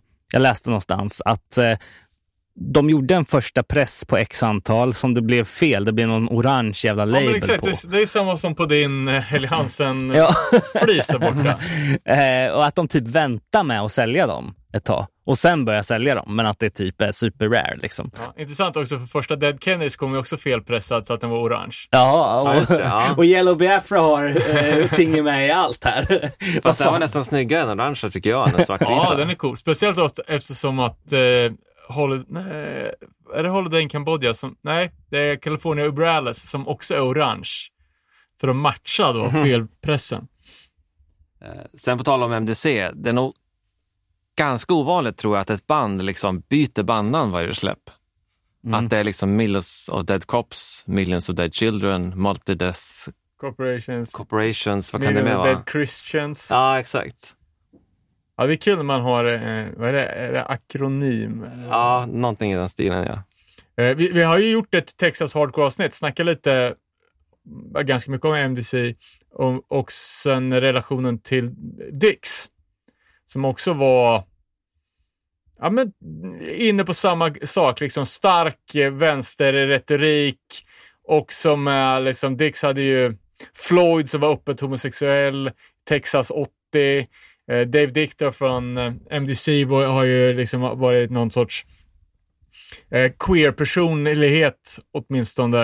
Eh, och hur jävla kontroversiellt det är att ha liksom text och låtmaterial eh, och banden i Texas då. Mm. Och sen fronta hammaren och skäran i sin Ja, men- logga dessutom Ja. i Texas. Det tror jag inte bli så jävla sig. Ja, nej, men verkligen. Det känns som att man ska bli skjuten för det nu. Men, men alltså eh, MDC är ju super eh, nu också, superaktuella. För att det visste inte jag innan. Men eh, att de ligger bakom just det här som man nu alltid hör eh, på amerikanska demonstrationer. No Trump, no KKK, no fascist USA. Liksom, som på något sätt eh, lyftes upp av, eh, vad heter han, i Green Day? Sångaren i alla fall. Okej, det. Eh, ja. Och det är då, för de, de släppte ju någon platta 2017 som heter Mine Trump eller något. Mhm. Eh, Ja, Vilket är kul. ja, men de är Eh, alltid, alltid Så på. att de liksom konsekventa skulle jag säga, liksom i sitt Alltså, det är inget band som viker ner sig direkt och har inte så gjort på 45 år. Liksom. Nej. Ja, jag hörde någon, någon intervju med, med, med Dave Victor. Han, jag tror han var 63, de var ute på Europaturné i minibuss. Och han hade, någon, jag kommer inte ihåg om han hade någon sån leversjukdom eller någonting. Han var riktigt risigt där han liksom, vet, kuskar minibuss 40 år, bor på squats och Lever life. Ja, ja eller. Nej, men alltså det är... Lever. Ja, jag lever men inte hans lever. Nej, men det är ju det är lite beundransvärt. Liksom. Ja, som fan. Ja, var ditt bästa du liksom. Ja. Nej, så det var kul att se Ja, den på listan. Ja, det är en jäv, jävligt, jävligt bra platta. Jag måste styra en... en Picture. Just det, Ta picture-disken också. Ja. Har, Eh, David, har du någon favorit då? Ja, alla de här 50 typ. Eh, Huggen? ja, lite Instead-skivan tyckte jag var lite udda att se där. Älskar den skivan också då. Ja, precis. Jag, Bonds of Friendship? Ja. Det är någonting med omslaget som bara suger in en, typ det här. ja, det är så jävla fint på något sätt. Jag tycker, jag tycker också det. Det är därför jag tog med skivan, bara för att jag tycker om den så mycket personligen. Sen tror jag att man skulle byta ut den mot Rights of Spring eller eh, Dicks eh, Kill from the Heart tror jag. Eh, Men nu finns den där i alla fall. Så bra Det, pick. det fina är att man kan göra en längre lista bara. Eller en Ja, det är version topp 100 nästa 2.0. gång. Ja. Ja, men den Instead-plattan är ju jävligt bra. Det känns som att... Det känns som att de har kommit bort lite de senaste generationerna. Alltså, det var ett klassiskt band, låg på Wish Well, liksom Orange County, Straight Edge, hela den vågen. Var stort när vi kom in på hardcore på 90-talet. Men känns inte som att de är superrelevanta nu. Visst, det kom någon, någon eh, Complete Discography trippel-LP eller någonsin så här på 2014-talet. Det känns att de föll lite mellan stolarna, eller? Jo, Jo, de gjorde ju liksom inte så mycket mer än, än Instead. Och sen var gitarristen och basisten, eller vilka var det som gick till Agnostic Front sen? Vet jag, men Roger har ju det där bandet, är det Alligators han har tillsammans med... Ja, de gick till, precis, det finns några från det som gick dit också. Och sen två till Agnostic. eh, och... Eh, sitter du och flinar åt Mårten? Roger. det lät som sångaren Agnostic Front från Mjölby. Ja, du vet, man säger såna, så- man säger såna här dumma grejer. Så fastnar man liksom. Så kan man inte säga det på. Nej, men alltså, Nej, nej. eh, det känns som att eh, i alla fall eh, var och varannat case som man har sett när band har varit ute och turnerat har haft en instead-klibba på sig. Det känns som eh, världens mest förekommande eh, klibba. Och också den här eh, friendship-grejen som de har på någon skiva, eh, på omslaget. Ja, Eh, en så här klassisk eh, hardcore-illustration. ja, ja, den är, Ja, den är vacker. Lite såhär Stand By Me. Ja, men precis, precis. Men det är konstigt också att de har stått instead fel. Ja, ja precis. Ja, det beror är väl som på hur man... till exempel, att man stör sig lite grann det. på. Ja, Eh, ja, men det är lite märkligt.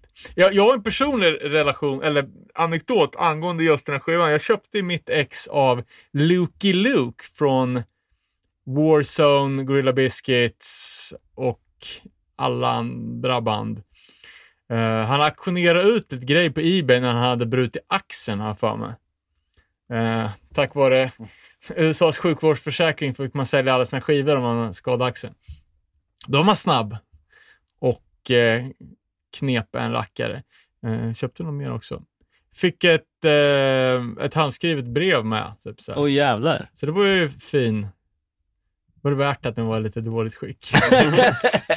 Vad kunde jag inte lämna dålig recension på Ebay? Var det, var det ditt subtila sätt att säga att den inte höll kvaliteten mot bilderna? Eller? Eh, nej, så det, det är ju jävligt fett. Ja, cool. Också coolt för ultranördar att eh, den vita vinylen har helt vita labels. Så att det bara blir som en snö, Ja. snöboll. ja. Eh, vad fan har vi, har vi mer? Eh, jag postade på Instagram någon gång med några Instead-skivor. Då var det någon som skrev bara Ah, fett! Min pappa spelar i det där bandet. Va? Ja, Vem var det? Ja, jag utredde inte det. Nancy Baryl var det. Nej. Det, är, det är rätt ofta folk man så postar sina skivor och någon som inte känns som en annan hardcore vinylsamlare utan någon som bara snubblar in på hashtaggen typ. Någon som Man bevakar hashtaggen. Ja, men om man följer sin, sin pappas gamla band typ på Instagram. Det var ju som någon, när jag hade den där eh, Poison ID, uh, Feel the Darkness. Jag och London gjorde ju en, en spoof på den. En gång på, Mm. på det omslaget. Då var det någon som skrev bara, "Ja, men min... eh, fan var det nu då?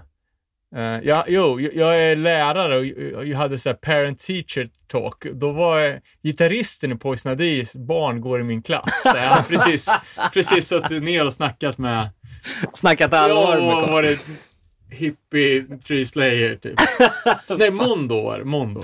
Eh, vilket är sj- sjukt märkligt att tänka att de här människorna också har liv. Ja, exakt. Larger than life liksom.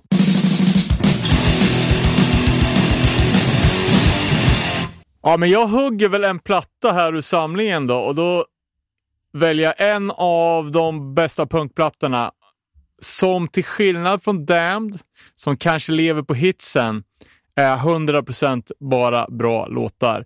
Stiff Little Fingers, Inflammable Materials. Vilken jävla pärla! Ja, för fan vad bra det är alltså. Alltså, vi snackade ju om The Middle Class Out of Vogue här tidigare Ja. och eh, Nervous Breakdown med Black Flag. Men jag tänker mig att när man öpp- den öppningen av den här skivan, den är Ja, fan mer sjukt stark, hardcore ja. än vad de två skivorna är tillsammans. Helt otroligt. Jag tycker det som gör är sången. Ja, Sången är det coolaste jag har hört. Det. ja den är, alltså, det är en sån jävla käftsmäll alltså. Ja, det är blandning mellan rasp men ändå jävligt bra melodi på sången. Ja, han, han låter ganska skolad tycker jag. Ja. Att kunna gå Sån från, blandning typ. från den här raspigheten till nästan skön sång. Ja. Vet vi om de hade något band innan eller? Nej, sånt de, de sjöng ju pojkkör förstås. ja, exakt. Catholic Choir. Nej, protestanter kanske de var. ja, men det, det är ganska intressant för att eh, Stiff då, som är från, eh, från Belfast, Nordirland, eh, bestod ju både av protestanter och katoliker och var ju aktiva, de spelar fortfarande, men liksom i deras första veva var ju mitt under det så kallade Troubles, när det var i princip inbördeskrig på Nordirland.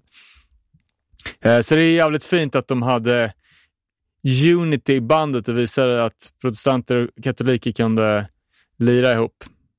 Ja, jag tycker... Alltså Blodiga fredagen var typ 74 någonting, när en jävla massa dog. Och sen La Moonhouse och attacken typ två år efter den här skivan. Så nu, de var ju verkligen Ja. i brinnande inbördeskrig. Så jag tror att det finns mycket att hämta här om man läser, läser eh, texterna också. Jag, jag har bara skum, skummat, alltså sj- sjunger med, liksom. jag har inte analyserat. Eh, Jag har alltid tänkt att Tal- Ulster har varit någon liksom, superpolitisk låt om den konflikten. Uh, Ulstrarna är väl protestanterna, va? Mm. Eh, men att uh, låttiteln kommer från att eh, den här låten skrevs för att vara med i ett fanzine som skulle släppa en bonussjua till sinet. Och det fanzinet hette Alternative Ulster. Mm. Och när man, lyssnar, när man tänker efter på texten så handlar det ju, det är inte så mycket politisk konflikt utan det är ju mer så här everyday life, liksom tråkigt tonårsliv, Mm. typ. Eh, Jag tänkte att det var någon djup politisk innebörd som jag inte begrep bara. Ja, men som till exempel White Nose när de sjunger att eh, om, om, eh, om dödsoffren inte är soldater så spelar det liksom ingen roll om de är ill- irländare. Liksom. Det är bara att skjuta ner råttorna. Liksom. Att det var så de såg sig själva kontra liksom, den brittiska överherren.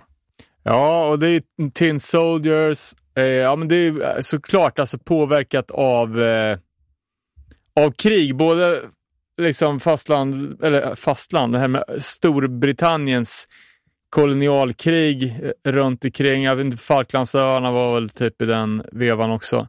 Ja, de var ju väl färgade av Thatcher, Thatcherismen, precis som många andra brittiska band, fast på ett annat sätt tror jag. Eh, var det här första kontakten med, med Stiff för er? Eller? Ja, det tror jag. Jo, det måste det ha varit.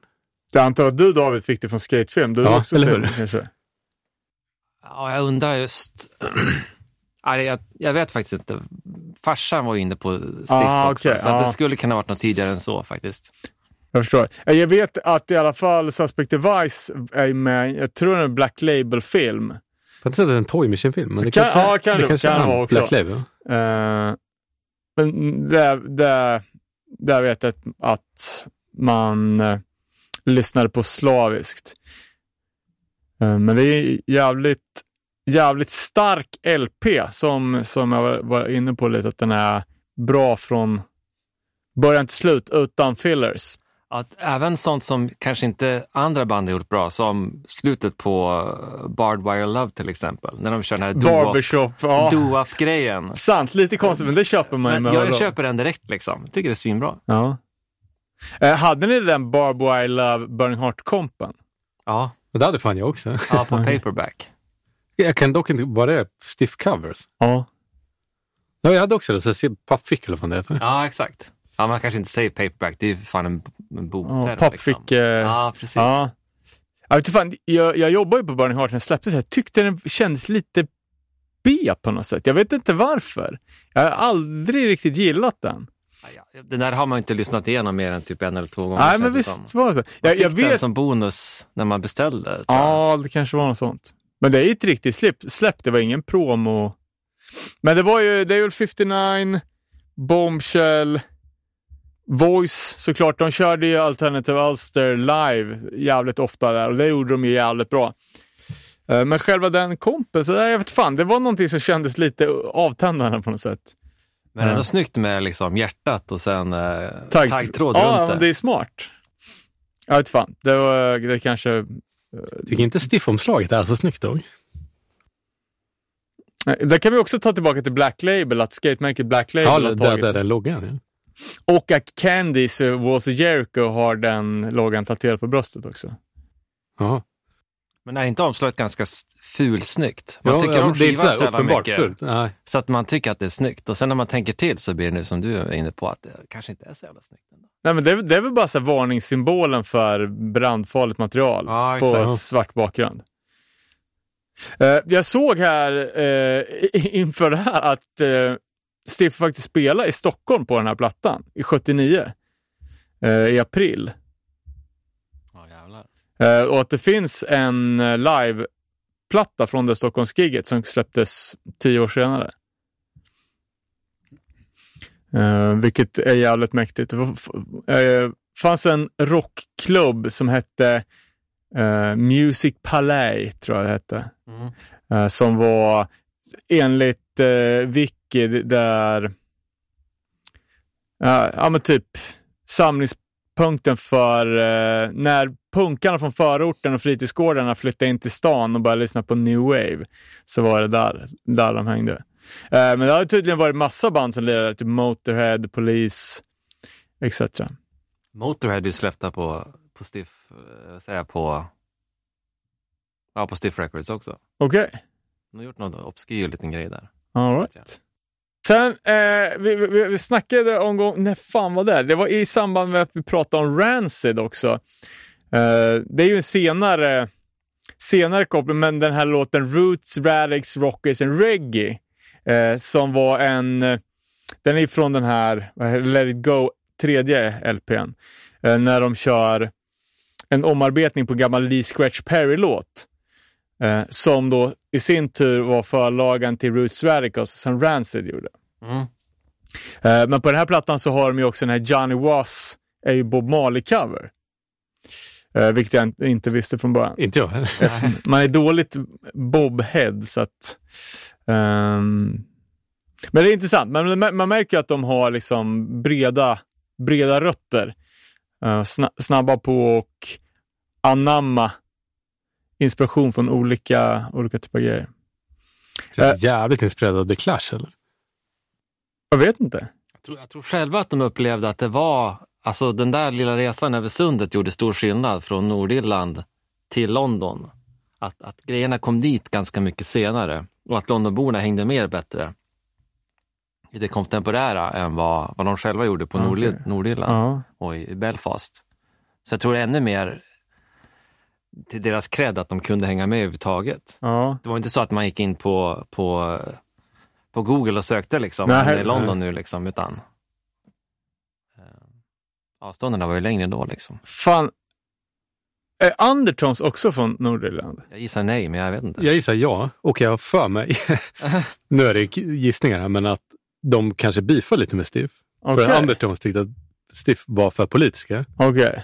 Och Stiff tycker att Undertones var Var- för opolitiska. Okej, okej. Ja, men fan. Nej, för jag, jag, jag satt och... för- är lite osäker på det här, men jag Ja, tror Derry, att det var så. Island. Ja, Ja, stämmer. fan, snyggt av. Nej, för jag tänk, tänkte vad fan, vad det fanns för mer, mer förband från arean. Liksom. För då, det måste man säga, Teenage Kicks, den låten är ju en av punk, Ja, punkens bästa Ja, just av Undertones. ri- riktigt, Snuskigt bra. riktigt bra. Eh, och precis som Teenage Kicks så är ju Stiff 7 också vansinnigt billiga. Eh, jag köpte de sex första Stiff 7 för typ någon hundring bara på tidiga pressar. Det är, alla Stiff-grejerna är ju löjligt billigt. Måste ha stora upplagor för att det är ju riktig kvalitet. I alla fall fyra första plattorna är ju rent guld rakt igenom. Ja, Det det finns några så, jag tycker även Two Tone Records, deras, deras sju är nästan gratis också. Okej, ja. Ja, det är intressant när vissa grejer är så jävla dyra och vissa grejer är så jävla billiga. Eh. Statusen på Stiff 2022. eller?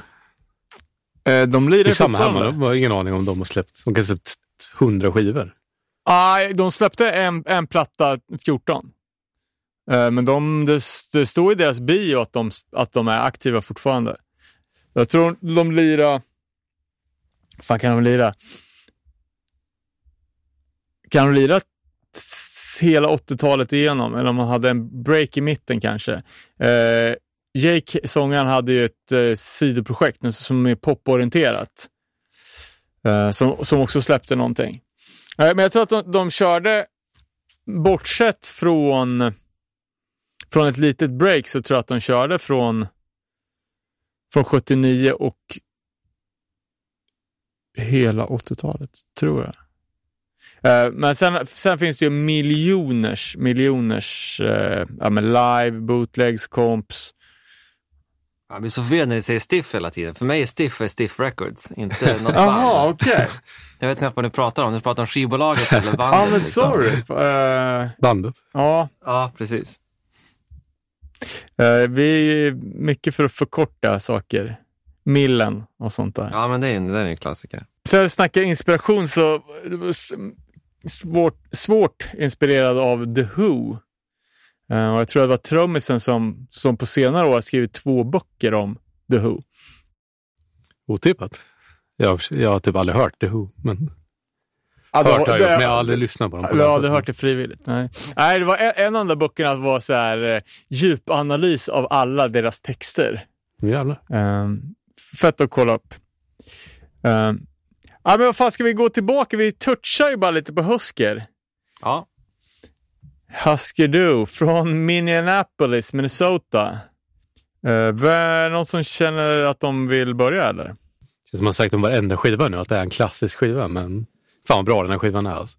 Ja, nej, men för, för mig är, alltså, jag har fått för mig att lite mer hardcore-folk mer dyrkar det första. Det När här det, är, ju my- är ju mycket bättre. när det är klapp, klapp, hardcore. Ja, jag tycker också Jag tycker att det här är den perfekta. Det är så, de landar i den svåra tredjeplattan som ingen, ingen annan kan göra. alltså, ja, precis. För jag tänker så här, om du lyssnar på Everything Falls Apart från året tidigare, liksom, när du verkligen är fortfarande inne på hardcore-svängen. Och sen året in efteråt så bara, ah, nu ska jag köpa Zen Arcade. Liksom. Ja, Vad, vad tänker man då? nej. Har man blivit lurad eller har man fått värsta julklappen? Liksom? Jag hade inte- riktigt fattat heller, men om, eh, att det är en... Ja, men som The Who. Eh, vad fan heter det? Ja, Eh, en rockopera. En- Liksom, en rockopera. Som Tommy då, med The Who. Ja. Ja. Aha, nej, det visste inte jag. Ja, det handlar om en ung pojke som liksom växer upp. Okej. Ännu svårare, man ska göra den svåra tredje skivan och så väljer man att göra en dubbel-LP som är någon ja, men berättelse. Ja, alltså, sen hänger, det är inte som Tommy på samma sätt. Alltså, jag tycker inte att låtarna hänger ihop på samma sätt. Men när man väl vet att de gör det så kan man tolka det liksom Okej. baklänges. Så. All right. eh, jag satt också på att fundera på om det här är första hardcore dubbel-LPn. Eh, jag, jag alltid jag, jag liksom tänkt att det här är liksom mitten 80-talet, kanske 86 eller någonting, men den är fan släppt redan 84. Eh, precis i sluttampen av klapp-klapp hardcore-vågen egentligen. Och då är de redan så jävla långt före. De har liksom gjort en Landspeed-plattan som är svinsnabb och sen en platta emellan. Eh, som jag tyvärr inte har. Det måste jag fan ändra på ASAP. Eh, och sen då kommer tillbaka med ett, alltså, post, kan man kalla det post-hardcore? Ja, men det måste man nästan säga. Eh, och det här måste vara typ Embrace, Rights of Spring nästan tidigare än det. Det är fan 80, känns som att det är 85, 86.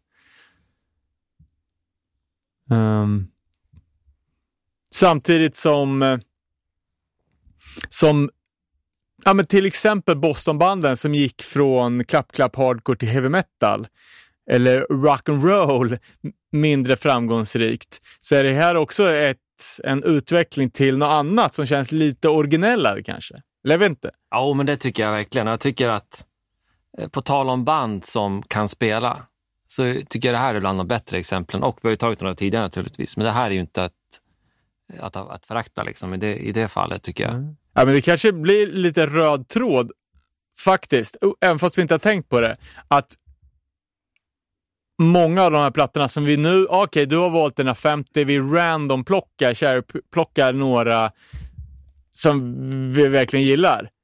Och röda tråden är att, att de flesta är jävligt skillade på att spela.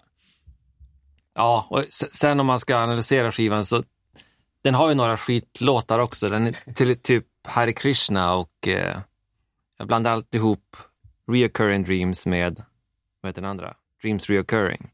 Men det finns några liksom ganska märkliga inslag. Men, Ja, ja, exakt. Jag, jag fun- funderar på, hade den verkligen behövt vara två? Tänkte Ja, jag säga det. men- Är det jag något? tror- Det är att den blir så lång. Ja? För jag tror att i den här storylinen, Ja. så den här, den här unga pojken, eller tonåringen, Ja. hittar liksom religion i Hare Krishna. Och därför finns de här fillersarna ungefär för, för att passa in i historieberättandet. Ja, liksom. ja. Snarare än att det är liksom musikaliskt berättigat. Jag liksom. fattar. Ja, ja, det, det får ge, ge, ge hel förklaring. För jag, jag, alltså, hardcore-världen hade ju redan börjat dabbla lite med, med Hare Krishna eh, vid det här laget. Jag tänkte bara, är de, är de Hare Krishna eller är det, håller de på och trollar? Eller, men det, då fattar jag att det, det är inte deras personliga ställningstagande eller liksom, vad heter det? Bhakti-yoga, utan det är, det, det är historieberättande. Ja, så vill jag tolka i alla fall. Intressant. För de var inte Hare Krishna då gissar jag. Nej. Och sen tycker jag också ganska nice att de pendlar från eh, I'm, I'm never talking to you again som är liksom akustisk och ganska lugn. Och sen har vi I'll never forget you som skulle kunna platsa på deras första EP. Liksom. Eh, så jag tycker de rör sig bra mellan eh, välspelade, lugna låtar och sen eh, när Bob Moll bara står och skriker I'll never forget you tycker jag är- det är jävligt starkt alltså. Eh, ja, nej, men och och, intressant också, då var väl, det var väl samma trio hela, hela vägen igenom? Ja, precis. Dog inte en av dem nyss? Typ? kanske inte var nyss. Bob Moll kör ju fortfarande. Han ja, men Grant, Grant. Hart är död sedan några år tillbaka Ja. i alla fall. Mm. Eh, det stod i deras bio också att det var hans drogmissbruk som gjorde att de la ner det på slutet på 80-talet. All right. Men de har ju också släppt en jäkla radda med skivor. De måste ju ha släppt en 6-7 fullängdare i alla fall. Ja, jag, jag tycker även deras senare som Candy Apple Grey kan Ja, jag den sätta på bra. och tycka eller att den hur? är schysst. De verkar ha släppt någon som heter The Living End 94. Det har man inte hört. Nej. Nej, den har gått mig förbi också. Eh, Så här, kul också, ett riktigt tidsstämpel på omslaget, att det är så här handkolorerad, ett foto liksom som folk har ritat på. Som var jävligt populärt stilgrepp på 80-talet. Precis som Seven Seconds, Walk Together, Rock Together, Ja, LP. just det. Ja, tycker att det är ganska snyggt dock.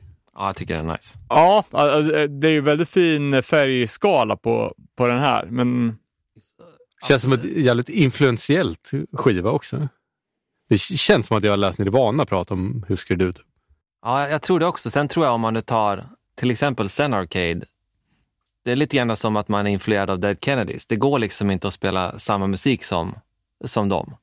Nej. Men man kan ju fortfarande vara influerad av dem naturligtvis. Men vad kallar du det?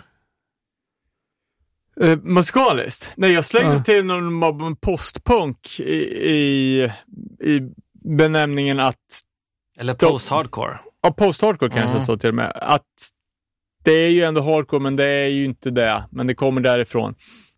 Jag tänker att det är så här alternativ rock. Typ. Det är det säkert. Jag, jag har liksom inga, alltså, jag lyssnar inte riktigt på så mycket alternativ rock of the day så att jag kan liksom inte dra några paralleller. Jag vet inte, lyssnar ni på re- Refreshments?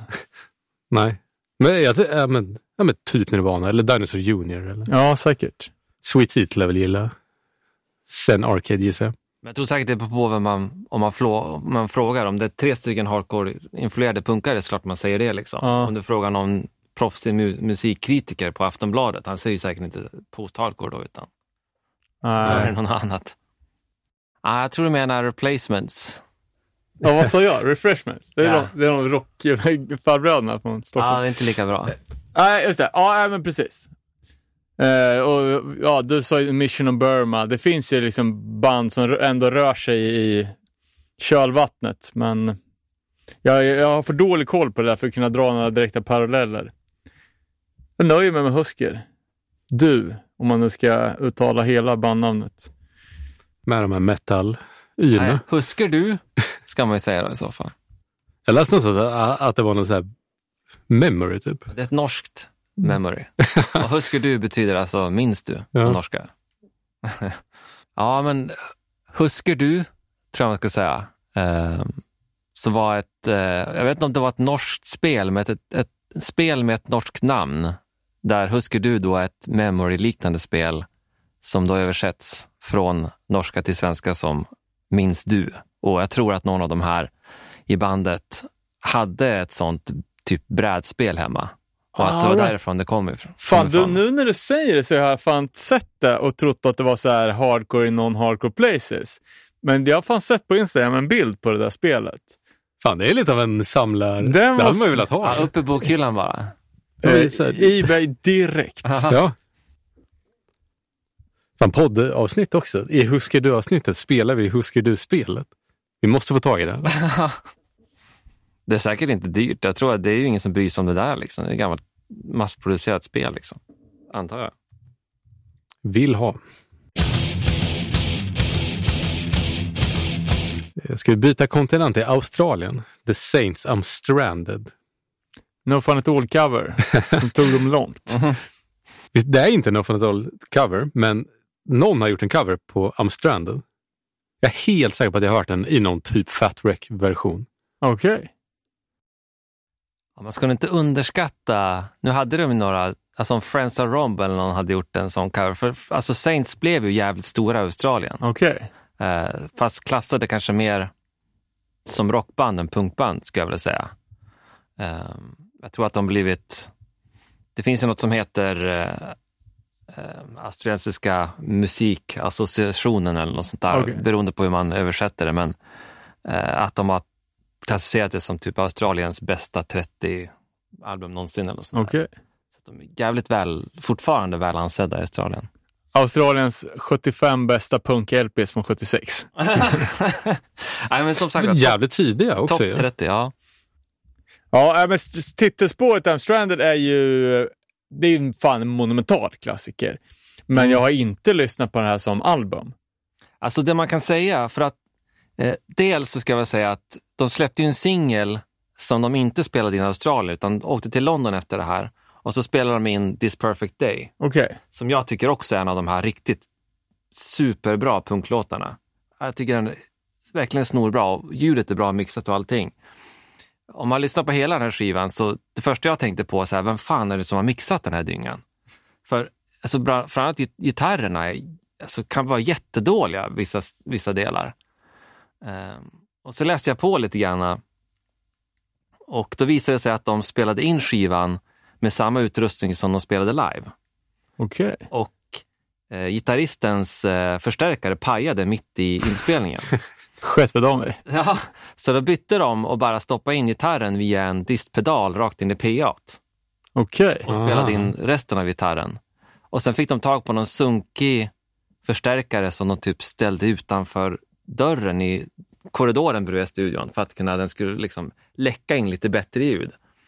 Så om man lyssnar på mixen så gitarrerna kan, tycker jag, vara riktigt jävla dåliga. Alltså. Och så, och så halv, halva med stärk och halva utan. Typ. Jag, jag tror att det var typ Eller körde de om hela tagningen kanske? Nej, jag tror att eh, Nights in Venice och eh, Messing with the Kid, eh, Messing with the Kid är väl kanske stora, en av de stora hitsen på den här. Eh, jag tror de var först, för det var de första låtarna de skrev. Så det var de första låtarna de spelade in. Så de två klarade sig från här haveriet. Liksom. Och sen resten åtta eller något sånt där körde de på lördag, söndag eller något sånt där med den här jävla setupen.